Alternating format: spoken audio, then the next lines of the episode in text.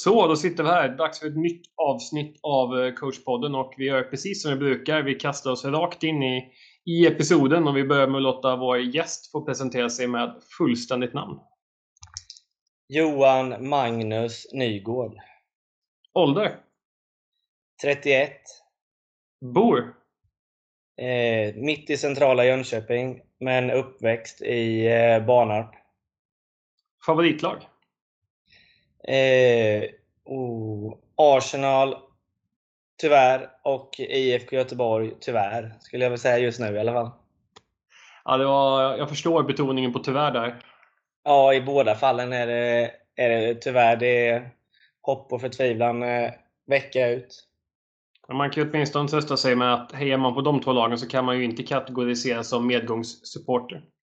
Nej, det, det behöver man nog aldrig riktigt oroa sig för att man har varit någon medgångssupporter. Inte i den, i den aspekten i alla fall. Jag tänker vi ska ju prata liksom lite, det blir båda delar här. Liksom. Du kommer från en spelarkarriär och nu är du inne på en tränarkarriär. Men om vi då går igenom spelarkarriären lite, lite snabbt då. Att vart startade liksom innebandyspelandet och hur har liksom resan sett ut? Eh, jag började i Barnarp. Det är ja, men en liten förort till Jönköping. Eh, när jag var 13-14, jag började rätt sent. Jag höll på rätt länge med hockey och fotboll innan. Så blev det att jag började där. Och ja, då var deras A-lag var i division 5. Så eh, det blev väl rätt tidigt att man, man kände att man var hyfsat bra, så man fick vara med i A-laget rätt tidigt. Och sen, eh, ja, sen flöt det på därigenom. Så jag tror när jag har räknat på det att jag har spelat och vunnit division 5, division 4, division 3. Och sen var vi uppe i division 2 med Barnarp. Sen, eh, och då, då fanns ju inte allsvenskan, utan då var division 1 den näst högsta serien. Och när, barn, när vi åkte ut där med Barnarp så bytte jag till GIK. Och då var ju GIK i, ja, de, då hette den ju division 1, men sen blev det allsvenskan. Och sen vann vi den med GIK. Första året jag var där. Så om jag räknar så är det bara SSL jag inte har vunnit. Det har ju fortfarande chansen till i och med att du är där som tränare nu. Ja, precis. Jag, jag, lyckades inte göra det som spelare, så jag fick skola om och testa om man kan lyckas som tränare istället.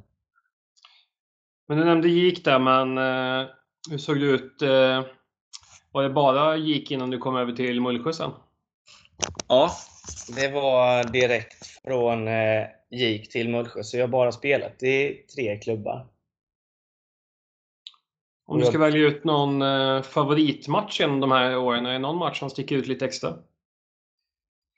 Uh, ja, men det, då behöver jag väl välja en. Det finns ju, man har ju allt, väldigt goda minnen alltså från tiden man spelade i Barnarp. Alltså så här från, ja, men när man har spelat i de här lägre divisionerna och har varit i liksom gympasalar runt om i hela, hela Småland så finns det alltid ja, men speciella matcher. och det var Då var Hovslätt våra vad ska man säga, antagonister, våra största rivaler. Och vi spelade väl i division 3 samtidigt båda och det, det är liksom, nu är de i division 1 och är i en etablerad klubb, men just då var det liksom rivaliteten mellan de två föreningarna väldigt stor. Och vi låg väl ett poäng efter dem inför sista matchen om vilka som skulle gå upp till division 2 då. Och vi vann våran match och deras match gick till förlängning. Och om, om de vann förlängningen så skulle de ta platsen på målskillnad före oss, men då förlorade de i förlängning, fick vi veta på telefonen att de förlorade förlängningen, så då blev det en sån stor hög bara på, på golvet. Och sen, eh, sen var det en riktigt bra fest på kvällen, så det är väl ett av de största minnena man har därifrån kopplat till en match då. Eh, men en annan favoritmatch som man verkligen kommer ihåg är när vi gick upp från Allsvenskan till eh, högsta serien med GIK. Första året jag var där. Och vi var nere i Växjö och spelade och det var båda lagen hade chans att gå upp och de, de var tvungna att vinna. Efter full, gick, vann de efter full tid gick de om oss inför sista omgången och om vi vann efter full tid så var vi färdiga för att gå upp. Och eh, de ledde med 4-0 tror jag rätt tidigt och vi började komma ikapp sakta men säkert. Och kvitterade väl när det var när det var en och en halv minut kvar tror jag Ojen kvitterade när vi hade tagit ut målvakten och sen tog de ut målvakten för att ha chansen att gå om oss då. Och Johan Andersson sköt något långskott från eget hörn som sakta rullar in i mål och vi jag tror det var 5-6 sekunder kvar av matchen. Och det blev liksom hela, all publik vi hade med oss nästan stormade planen och det blev som ja, en riktig TV-pugshög på golvet. Ett sånt där klassiskt eh, drama liksom, som det alltid blir i de här avgörande matcherna.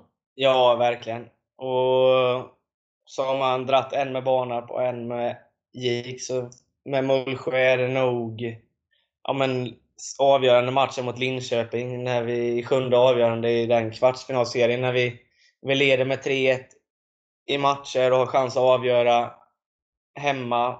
Och det står tror det står lika och de lyckas göra mål på något frislag med en sekund kvar.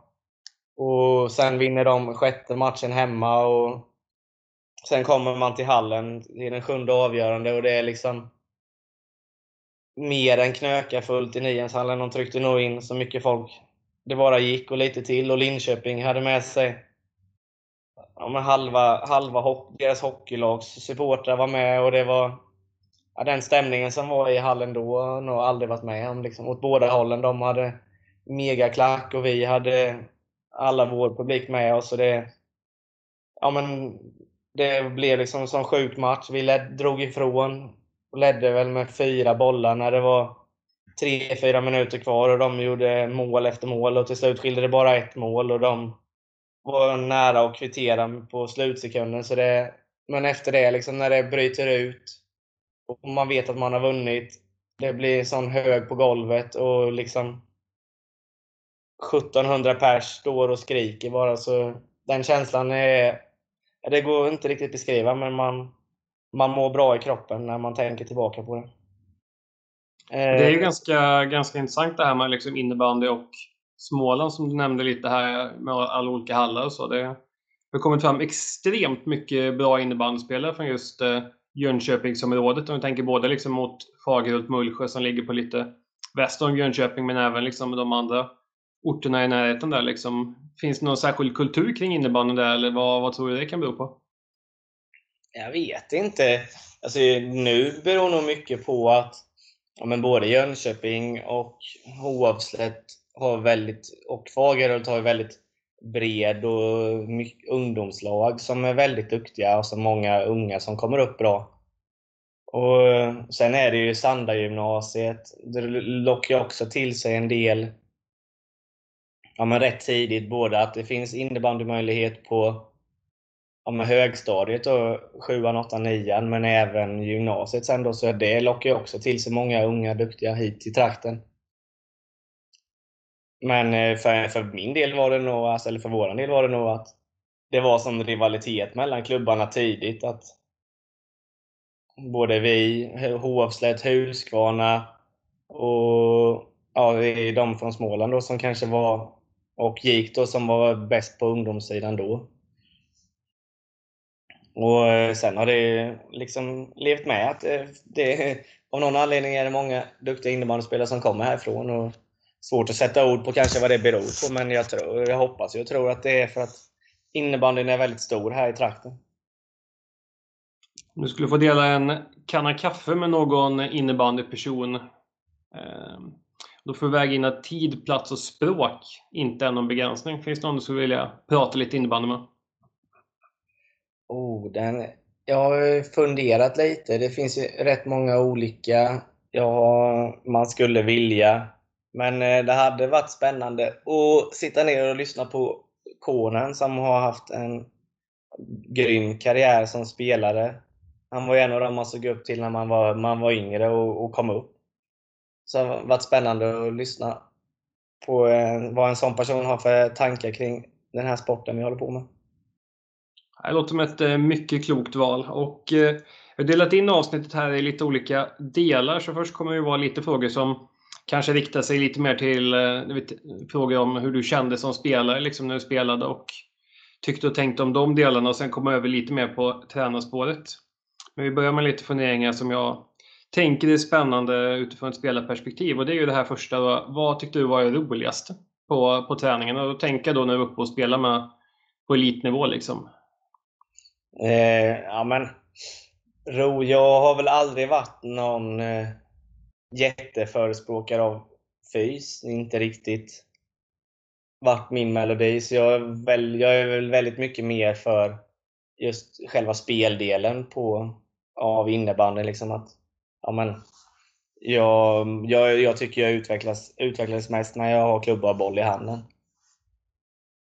Så gym och eh, löp, löpfys och intervaller och sånt har aldrig varit min grej riktigt, utan snarare mer, mer fokuserad på innebandydelen och ja, men, eh, spelmoment framför allt. Tre mot 3, 4 mot fyra, sådana delar har jag alltid tyckt varit väldigt roligt. Jag tänker en väldigt intressant grej. Eh, det här om man är uppe och spelar på väldigt, väldigt hög nivå. Man kanske inte har en heltidslön och kan leva på det, men man är ju ändå liksom i den mån man kan så professionell det bara går och lägger ner väldigt, väldigt mycket tid. Är det viktigt då att man har roligt då under tiden man gör det här? Eller liksom, är det, hur, är det liksom tok hela tiden? Eller hur, hur känner du kring det? Ja, men det är väl extremt viktigt att man har, man har roligt. Alltså om det, om det är något jag älskar med, med idrott överlag, alltså lagidrott, det är för mig något speciellt att man omklädningsrummet, man kommer dit i en stund innan träningen och man sitter och tjötar om allt möjligt. Sen kopplar man på det när det är träning och då är man väldigt fokuserad. Jag, både som spelare och ledare, extremt seriös och vill liksom är jag här, då vill jag få ut så mycket som möjligt av tiden. Och, men att sen efteråt liksom slå om igen och sätta sig i omklädningsrummet och köta skit om allt möjligt. Och liksom, ja, men det, bara den om, omklädningsrumskänslan är för mig en, det som liksom gör att jag gillar och älskar att hålla på med det här. Om man tänker du som spelare då, Finns det någonting du har tränat på extra mycket genom din karriär? Att du känner att det var det här du tränade mest på? Tränade mest på? Eh, ja, men jag, jag har aldrig varit någon, någon jäkel på att skjuta hårt. Men jag, jag har väl kommit väldigt långt på att jag kan skjuta bra. Det väl, har jag väl tränat mest på, att skjuta från lite, lite udda lägen som oftast kan ställa till det lite för målvakterna eller försvaret när man inte riktigt kanske är beredd på att det ska komma ett skott. Om man tänker då lite olika karaktärer på matcher. Vilken matchtyp tyckte du var roligast? Var det de här jämna matcherna det blev lite mål och kanske avgjordes sent eller de här, vad ska vi kalla det, lite Fagerhultsmatcherna kanske blir 8-8 eller det är liksom eh, mycket mål eller liksom vilka, vilka typer av matcher tycker du var roligast att spela?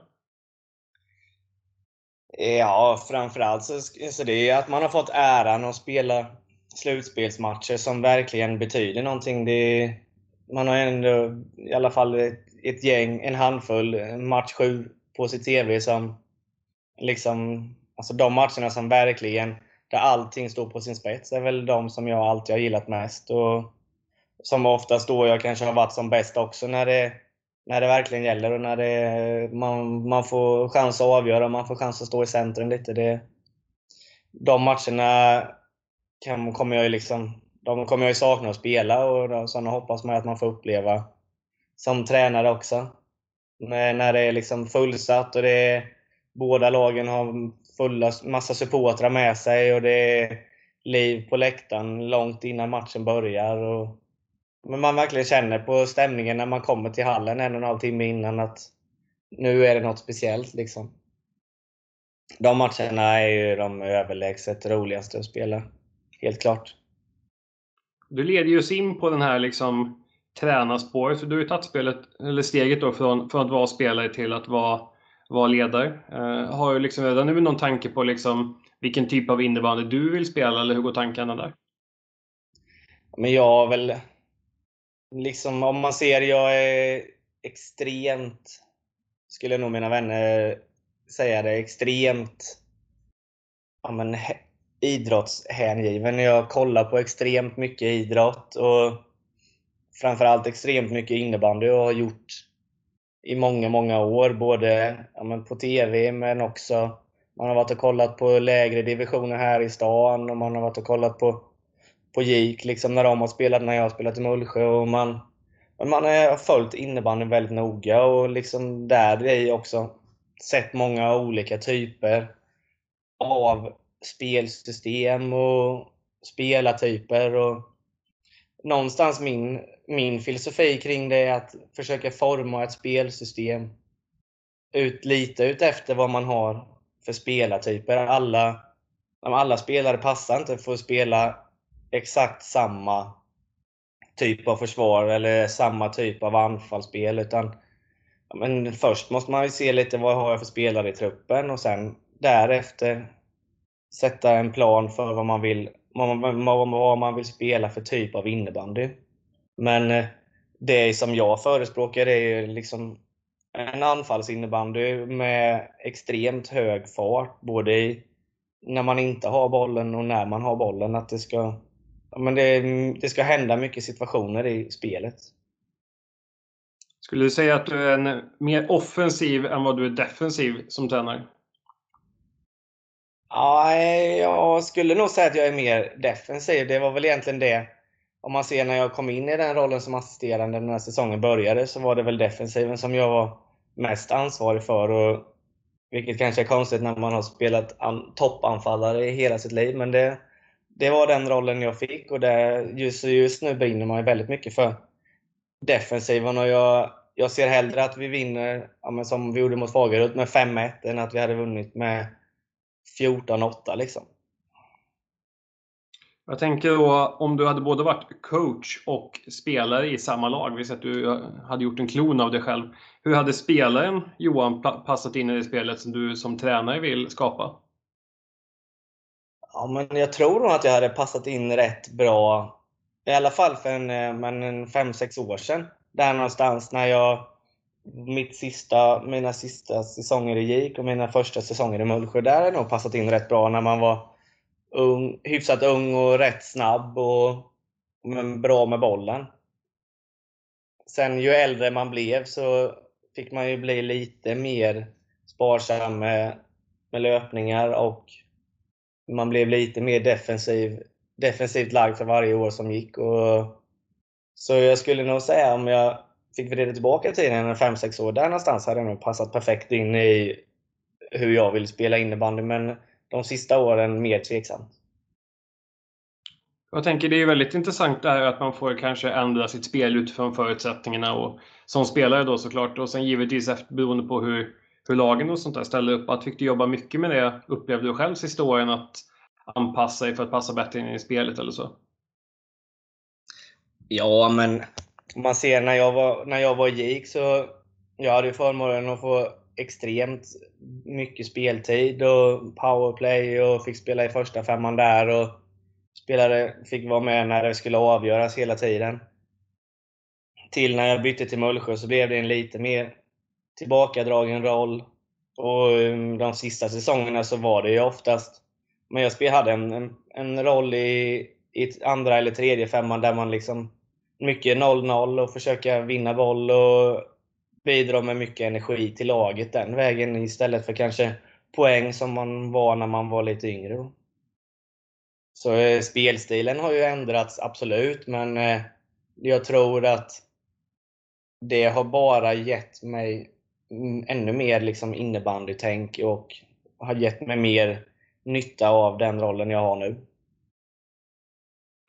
Jag tänkte det, det är jätteintressant det här du pratar om att eh, du kanske hade en lite större roll i JIK och liksom så. Eh, hur viktig tycker du den här delen med speltid är? Det är ju framförallt väldigt många yngre spelare som pratar om att man måste ha speltid snabbt och får man inte spela den matchen då ska man direkt ta en dubbellicens någon annanstans. Att, har du någon tanke kring det liksom? Eh, en, en generell tanke jag har är väl att många unga har extremt bråttom med att man vill uppåt i seriesystemen väldigt fort. Om man ser, om jag bara går till mig själv, så jag, när jag gick till GIK var jag 20. Och det, är, alltså det var väl rätt sent så sett. Då hade man ju spelat rätt många år i lägre divisioner såklart. Men att för mig var det viktigt. Jag fick anbud när jag var 18 om att gå till lite högre klubbar. Men det var liksom så här. För mig var det då viktigast att om jag får spela mycket och ha en jätteledande roll så kommer jag utvecklas mer än om jag lämnar tidigt. Och Sen eh, finns risken att man hamnar på bänken om man tappar, tappar suget att spela. Utan jag tror att nyckeln till att eh, eller nyckeln till att kunna komma långt kan ibland också vara att ja, men jag kämpar på här nu och får ha en ledande roll och sen när jag väl lämnar, då är jag redo att, ja, men jag har haft en ledande roll i flera år. Jag är absolut redo för att ha en eh, hyfsat ledande roll i det laget man kommer till. Ja, det är ett väldigt klokt eh, svar och resonemang tycker jag. Ja, men och sen är det, det är så olika, men det för mig var det en, eh, en väldigt vinnande melodi. Liksom att man, man var, jag var med och bidrog jättemycket i det laget jag spelade i, men man hade många vänner som, liksom så att man, som såg till att man aldrig svävade iväg och höll ner den på jorden. Att liksom så här, men, du, du hade ju fortfarande inte varit bra i, om du hade bytt lag till något annat än, utan du, du har fortfarande mycket att lära innan dess. Och det, där är väl väldigt många nu, att unga, att man vill, man vill uppåt tidigt och sen får man inte riktigt spela så mycket man vill och då vill man byta lag eller man vill ha någon dubbellicens eller man vill någon annanstans. Utan man behöver, ibland behöver man ha kommit lite längre i vissa delar, kanske innan man byter. Byter, upp, byter upp, uppåt i seriesystemen. Jag, tänker, jag tycker det här är otroligt intressant, det här steget du har tagit från att vara spelare i ett lag till att vara tränare i samma lag. Att hur liksom förändras Eh, dina liksom beteenden och sådär? Eh, en sån här klassisk fråga. Sitter du fortfarande kvar på din gamla plats i bussen eller sitter du längst fram med ledaren? Nej, nu är man ju längst fram i bussen. Överlag, men sen, sen är alltså så här. Man är fortfarande vän med många i laget, och det, eller med alla i laget. Och det, det är ju en del av mitt ledarskap också. Både som jag har när jag är ledare på jobbet och när jag är ledare i, eh, i laget. Att man är, liksom, man är en del av, av gänget, men man är också den som är liksom högst ansvarig för att allting ska fungera. Men eh, jag tycker det är svingött att sitta och köta med spelare i laget på bussen också, även om man sen också behöver vara tydlig med när man är, när man är tränare och när man är privatperson. Liksom, har det förändrat någon, på något sätt din relation till spelarna? Liksom, eller upplever du bara liksom, att det finns fördelar med det här? Nej, för mig personligen tycker jag att det är liksom bara bra. Liksom jag känner ju alla spelare sen innan. Jag vet vad, hur spelare reagerar och vad, varför man gör vissa saker. Och ja, men lite så här, vilka situationer agerar den här personen så här och varför gör de det? Och sådana delar. Så för mig så tycker jag bara det, det har varit eh, bra att jag liksom har spelat i laget innan. Det känns som att eh, det är lite som den här gamla skolan man pratar om i USA. Liksom, att spelarna ska vara rädda för tränaren. Det är liksom många som har förkastat att det skapar snarare bara liksom negativa saker. Så att istället jobba med den här relationsbyggande och eh, den positiva kulturen tycker jag känns som en enorm framgångsfaktor. Ja, det, det är väl absolut den melodin jag, jag förespråkar. Jag är, jag, mitt, mitt ledarskap går inte ut på att någon ska vara rädd för mig, men man ska också ha stor respekt för mig och mitt kunnande, men också liksom, men framförallt då för gruppens skull. Att man, liksom, vi alla är här av samma anledning, att vi vill bli bäst i, i Sverige på att spela eller på, vi vill vinna SM-guld liksom som alla andra topplagen och ska vi göra det så behöver man liksom stämpla in varje träning och varje match. Och det, det kommer inte få någonting gratis bara för att vi är vänner utanför, liksom, utan att man behöver prestera på planen för att få spela. Jag tänker lite din, eh, din roll då. Om du skulle om vi utgår från en träning, vad är din roll i samband med träningen? Har du något extra så här fokus eller ansvarsområde? Eh, vi har väl uppdelningen att, och det hade vi redan från början när jag var assisterande tränare, att jag skulle vara ansvarig för träningarna och liksom ja, men styra upp alla träningar, vad vi gör för övningar, varför vi gör det och så vidare. Och den rollen har jag kvar nu, så jag sköter ju ja, men allting kopplat till övningar och allting sånt på träningar. Var du intresserad av de delarna även när du var spelare? Liksom, vad ni gjorde på själva träningen? Eller var det skönt att bara få liksom, färdiga instruktioner? Nej, men eh, inte så jättemycket intresserad. Mer man kanske att man genom alla, genom alla år har gnällt på att det är tråkiga övningar man kör. Eller att det är samma övningar hela tiden. Så planen från början var att ändra mycket av det, men sen har det nog kommit tillbaka till att vi ändå kör en hel del samma övningar. Men sen finns det inte tusen nya övningar att köra heller. Men det, jag försöker blanda lite nytt emellanåt. Skulle du säga att du liksom jobbar med övningar som du har kört själv och liksom någonstans har i bakhuvudet eller försöker hitta på mycket nya övningar utifrån någon särskild situation?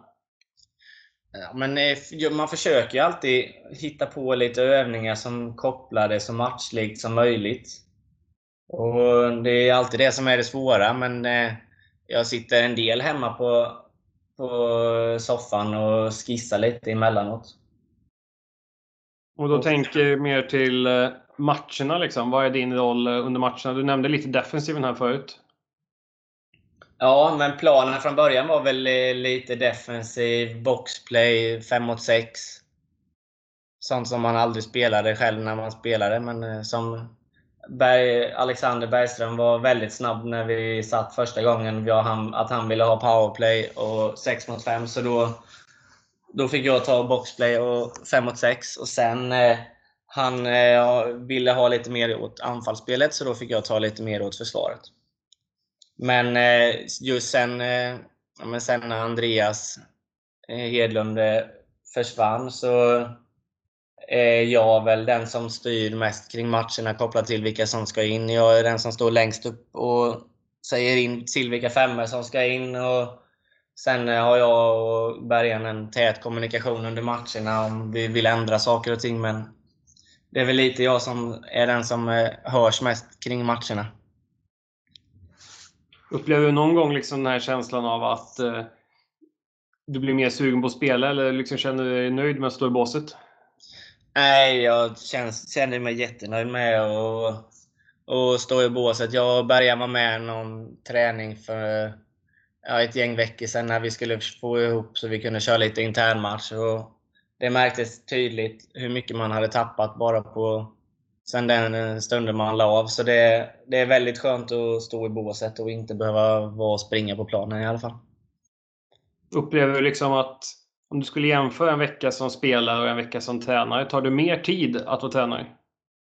Eh, ja, det, det var så här när man, när, man tänk, när man tackade ja till det så var väl tanken att amen, det, det är gött. Man kommer precis när träningen börjar och sen åker man när den är färdig så man kommer få lite mer fritid. Men där hade man väl extremt fel. Det, det märktes redan första veckorna att eh, man la nog minst dubbelt så mycket tid på att vara tränare som spelare. Det är, om man ser vad det liksom det ska förberedas, träningar och sen är det matcher och sen ska man kolla på matcherna i efterhand och så ska man sitta och klippa ihop det som borde vara bra och det man behöver träna på till nästa träning och sen ska det visas upp och sen rullar det på så. Du nämnde lite här med matcherna här. Att de, eh, ni har ju spelat ett gäng matcher. Är någon av eh, matcherna som du är extra nöjd med utifrån de parametrar du har jobbat med mycket på träningarna? Ja, men Linköping, första matchen fick vi väl väldigt bra träff. Om man ser till eh, den matchplanen vi ville ha. Även... Och ska se vilken det var. Ja, men även Falun var också en sån match där vi fick hyfsat bra utdelning på sånt, sånt vi har pratat om innan. Det är, väl, det är väl det sånt man relaterar till mest nu som tränare. När man, men när man får träff på det man kanske har försökt lägga upp som en plan både för en själv och för spelarna. Liksom att det här är de ställena vi tror vi kan såra motståndarna på mest. Att när man får träff, får träff på dem så får man någonstans en liten bekräftelse i att man, men att det, man lyckades på den, på den fronten. Du nämnde Linköping och Falun här. Jag noterar också att ni eh, vann mot Storvreta här ganska nyligen. Eh, för en stark vändning där. Eh, skulle du säga, är det lättare liksom att förbereda sig mot eh, att möta liksom topplagen eh, för att de kanske har mer tydliga linjer i sitt spel? Eller liksom, vilka matcher är svårast att förbereda sig för?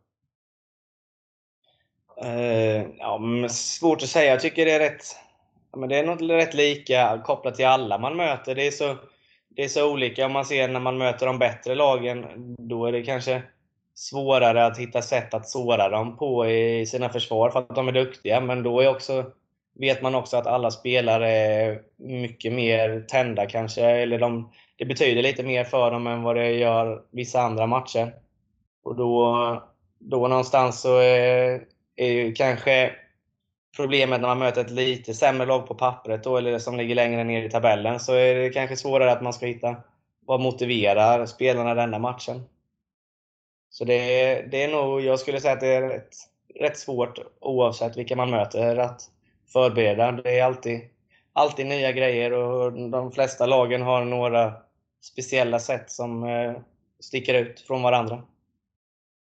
Finns det någon match här framöver som du ser lite extra mycket framåt? Antingen med Mullsjö eller skulle det kunna vara någon helt annan match mellan två andra lag? Eh, ja, men, eh, jag ser väl fram emot att vi, när vi ska möta Kalmarsund igen. Jag var väldigt besviken efter den matchen där nere och sen så tycker jag att det, det, är, liksom, det är ett lag som har imponerat på mig både i ja, men, eh, både vart de ligger i tabellen men också spelmässigt. De, de är väl det laget som absolut har fått ut mest av eh, alla, mest av sina spelare där många ligger på en väldigt hög, hög nivå kanske av vad man, vad man ska se vad man har för hur hög prestanda man har i sig liksom, om du förstår vad jag menar. Helt med på banan. Eh, jag instämmer också intressant där på tal om det här vi nämnde förut med de olika smålandslagen där. Ja, nej, och liksom så här, de har ju verkligen fått ihop det. Både med en ny fin hall och de har ju också, lite som vi, många supportrar som brinner väldigt mycket för, för sitt lag. Och, och även en, för mig, väldigt spännande tränare då som också är ung och verkligen liksom så här har anpassat sitt spel och för sitt lag kopplat till vad han har för spelare.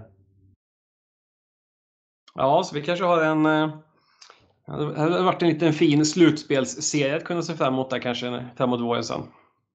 Det hade det nog absolut kunnat bli förhoppningsvis. Om man hade fått ha publik med så hade det nog blivit eh, extremt tuffa bataljer både på läktaren och på planen. Vi unnar oss i alla fall att tänka den tanken.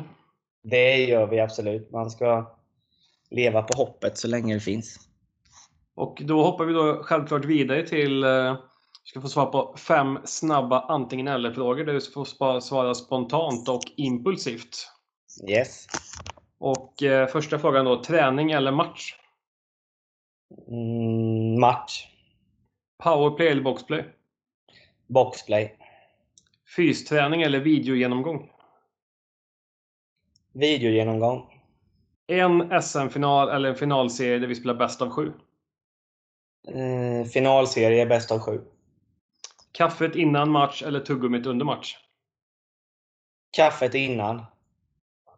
Ja, men det är bra. Kaffet innan, det har faktiskt gått vinnande när jag använt den frågan oftast. Ja, nej, tuggummi är inte min grej dock. Kaffe extremt viktigt.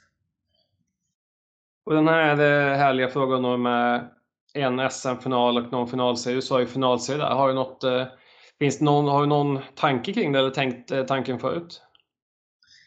Ja, men det har väl tänkt tanken flera gånger. Alltså så här... Ja, men nu eh, om man ser, jag vet ju bara om det skulle bli att Mullsjö någon gång var i en sån. Självklart skulle vi, vi drar mycket supportrar till en final i Globen, men liksom det här med att man, men fullsatta hallar. För mig där ett lag är hemmalag och där 90% av all publik är, håller på det laget och hatar motståndarlaget. Det är för mig det är lite extra liksom, både när man är hemmalag och när man är bortalag. Och jag tror att om liksom en finalserie, oavsett vilka som är med, skulle dra fullsatta hallar. Utan tvekan. Ja, just att få känslan få dela liksom också framgångarna med sin hemmapublik där. Ja, jo, men och liksom så här, det, det, det blir det, visst en final, men det är extremt mycket som, som står på sin spets kopplat till en match. Och det, det har sin charm också, men det, det hade varit spännande att testa något nytt. Nu har vi haft det här, den här typen av final länge och det hade varit extremt spännande att testa något annat och se, se vad man kan få ut av det. Och vi ska ju då gå vidare till nästa sekvens här. Du ska få plocka ihop din egen drömfemma. Och det står ju dig helt fritt hur du vill välja ut den här femman. Om det är folk du har spelat med, coachat eller folk du hade velat bara se ihop som en allmänt skön formation. Eller hur nu vill montera ihop den. Och det, det är då sex stycken spelare förslagsvis. Fem utspelare, en målvakt. Men det går ju alldeles utmärkt att plocka målvakt om du vill. Yes.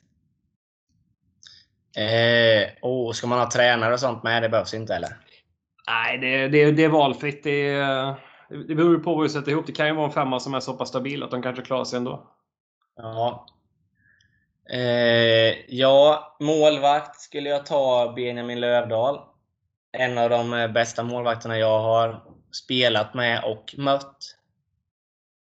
Och man ska se en rolig. Han, nu, han och jag är väldigt bra vänner nu och vi satt och pratade för ett tag sedan om eh, Ja men om eh, när jag spelade i GIK och han spelade i Tyresö och vi möttes första gången. Och jag tror Johan Andersson sköt mål på efter typ en minut på ett frislag. Vid, eh, ja men frislag i hörnet. Som Benjamin släppte in rätt enkelt. Så jag för mig jag sprang förbi hela vårt bås och liksom bara Fortsätt skjuta, de och skitdålig målvakt och han släppte allt och sen tror jag han släppte in ett mål till den matchen och vi förlorade med 4-2 eller 5-2. Så fick man smaka för att man sa det. Måste bara sticka in där också att han är väl också inne på ett tränarspår nu som eh, målvaktstränare i Tyresö? Ja, ja, jag tror han är, assist eller han är assisterande tränare där. Vet jag. Så han har fastnat in på tränarlinjen också. Ja, men det är kul. Det, det hyllar vi. Det gör vi absolut.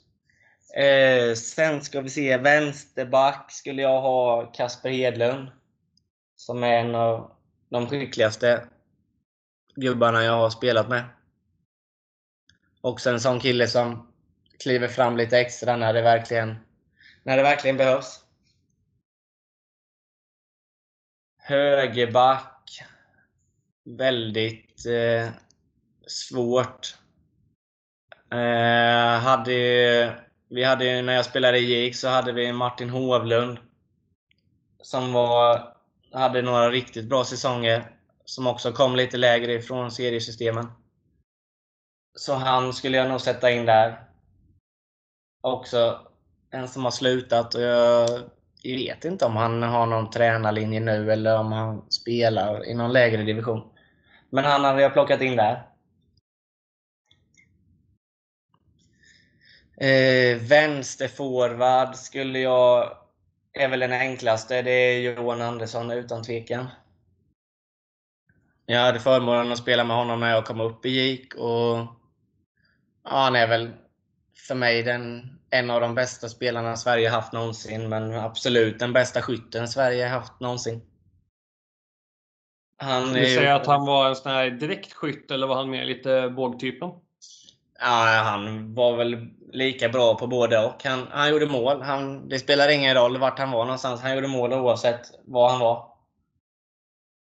Det, Det är få förunnat. Jag tror det var en gång vi spelade när vi var, spelade i gamla idrottshuset som han, han hade varit utvisad. Vi vann bollen i eget, eget hörn och den, någon slog upp den så den bara rullade längs med sargen. Tror han tog ett kliv ut från utvisningsbåset och sköt slagskott därifrån så det bara small i krysset och hade fortfarande en fot kvar i utvisningsbåset. Ja, det är underbart. Eh, center är väl egentligen mellan två. Det är väl mellan Andreas Berglund i GIK och Palmqvist i Mullsjö. Men jag plockar in Palmqvist för att jag, jag har han nu. Också en eh, extremt duktig kille som också alltid är bäst i de matcherna som betyder som mest. Och sen är det väl den eh, svåraste positionen kvar. Som man, man har haft många högerforwards framför sig. Men eh, eh, den eh, bästa jag har spelat med eh, skulle jag nog ändå säga är David Gillek. Han är också en allround och framförallt en vinnarskalle utan dess like. Liksom, som gjorde vad som helst för att laget skulle vinna. Och också en sån som alltid var väldigt bra när det betydde mycket. Och ville kliva fram när det betydde mycket. En otroligt härlig karaktär får man ju säga. Ja, verkligen. Men då har du ju löst tränarrollen också. Jag antar då kan du ju ta den själv där. Ja, fast jag hade nog velat ha Nordén som eh, tränare. Faktiskt, om jag hade fått välja till det här laget. Och till att ha för tränare som tränare själv också hade varit, varit kul. Han har ju alltid varit i flera år gnabbats väldigt mycket under matcherna när jag spelade och han var tränare i Växjö. Och alltid trevlig att prata med utanför, men när det är match så då, då gick han också över lik för att vinna precis som en annan har gjort. Så vi, vi har ryckt ihop en och annan gång, så han hade varit spännande att ha som tränare någon gång bara för det. Ja, men det var ett klokt val. Det är ju intressant hur man gnabbar med tränaren i motståndarlaget där. Hur, hur kan det te sig?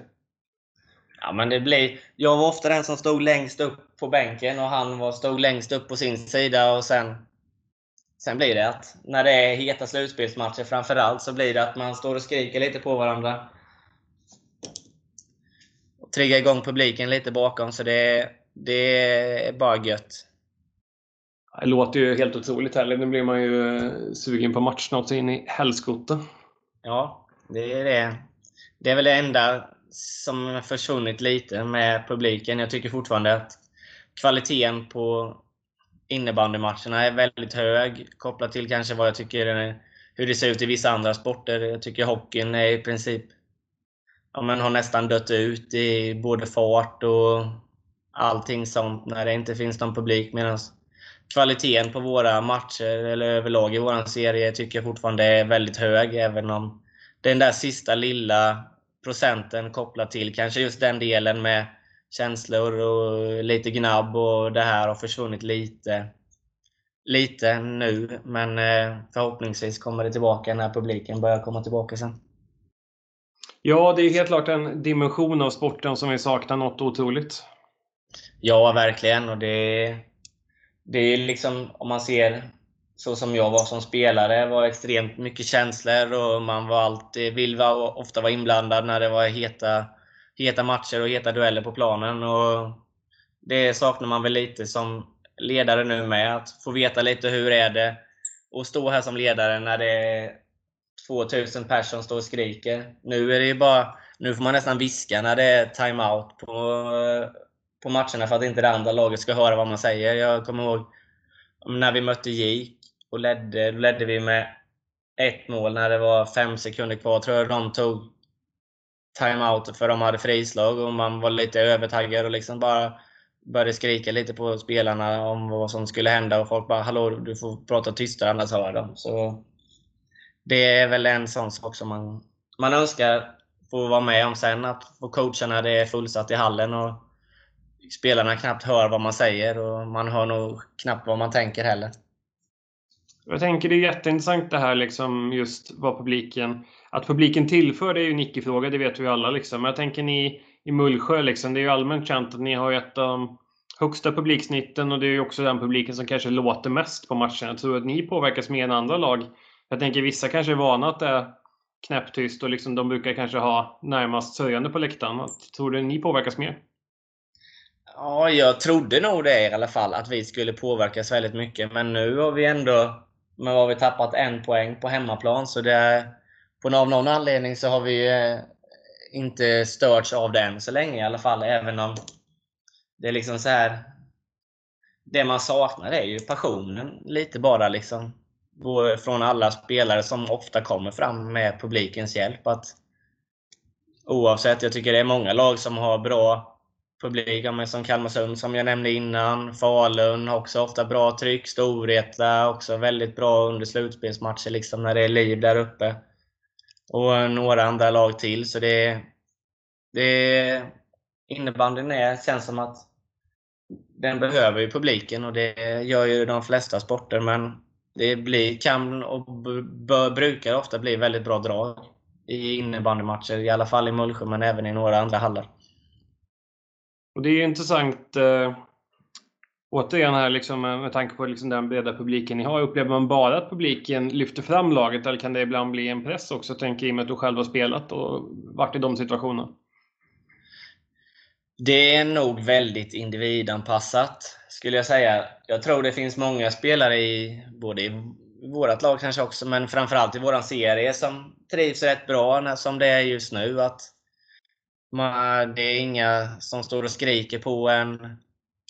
Om man gör, är, man, är man bra i ett annat lag, det är ingen som står och skriker på en för att försöka psyka en lite. Utan, och även då, det är ingen som står och skriker på en i det egna laget heller, om man är dålig eller buar. Utan man kan mysa runt rätt bra i att det, det är inte så mycket press på en just nu. Det är de som sitter hemma framför TVn och kollar, det är de enda. Men det, det, är, liksom man, det är ingen direkt som synar vad man gör, utan man kan mysa runt lite. är otroligt intressant, men vi hoppas ju precis som vi sa att eh, publiken kommer tillbaka så, så fort allting bara går och tillåter. Ja. Uh, och vi önskar ju då som, som alla gäster ett stort uh, lycka till fortsatta delar av säsongen och med ledarskapet. Så, så får vi väl hoppas på den där slutspelserien mot Kalmarsund. Det hade i alla fall jag tyckt var väldigt trevligt. trevligt. Det hade jag med tyckt och det får vi hoppas. Och med det sagt så ett stort tack Johan för att du har medverkat i coachpodden. Tack själv!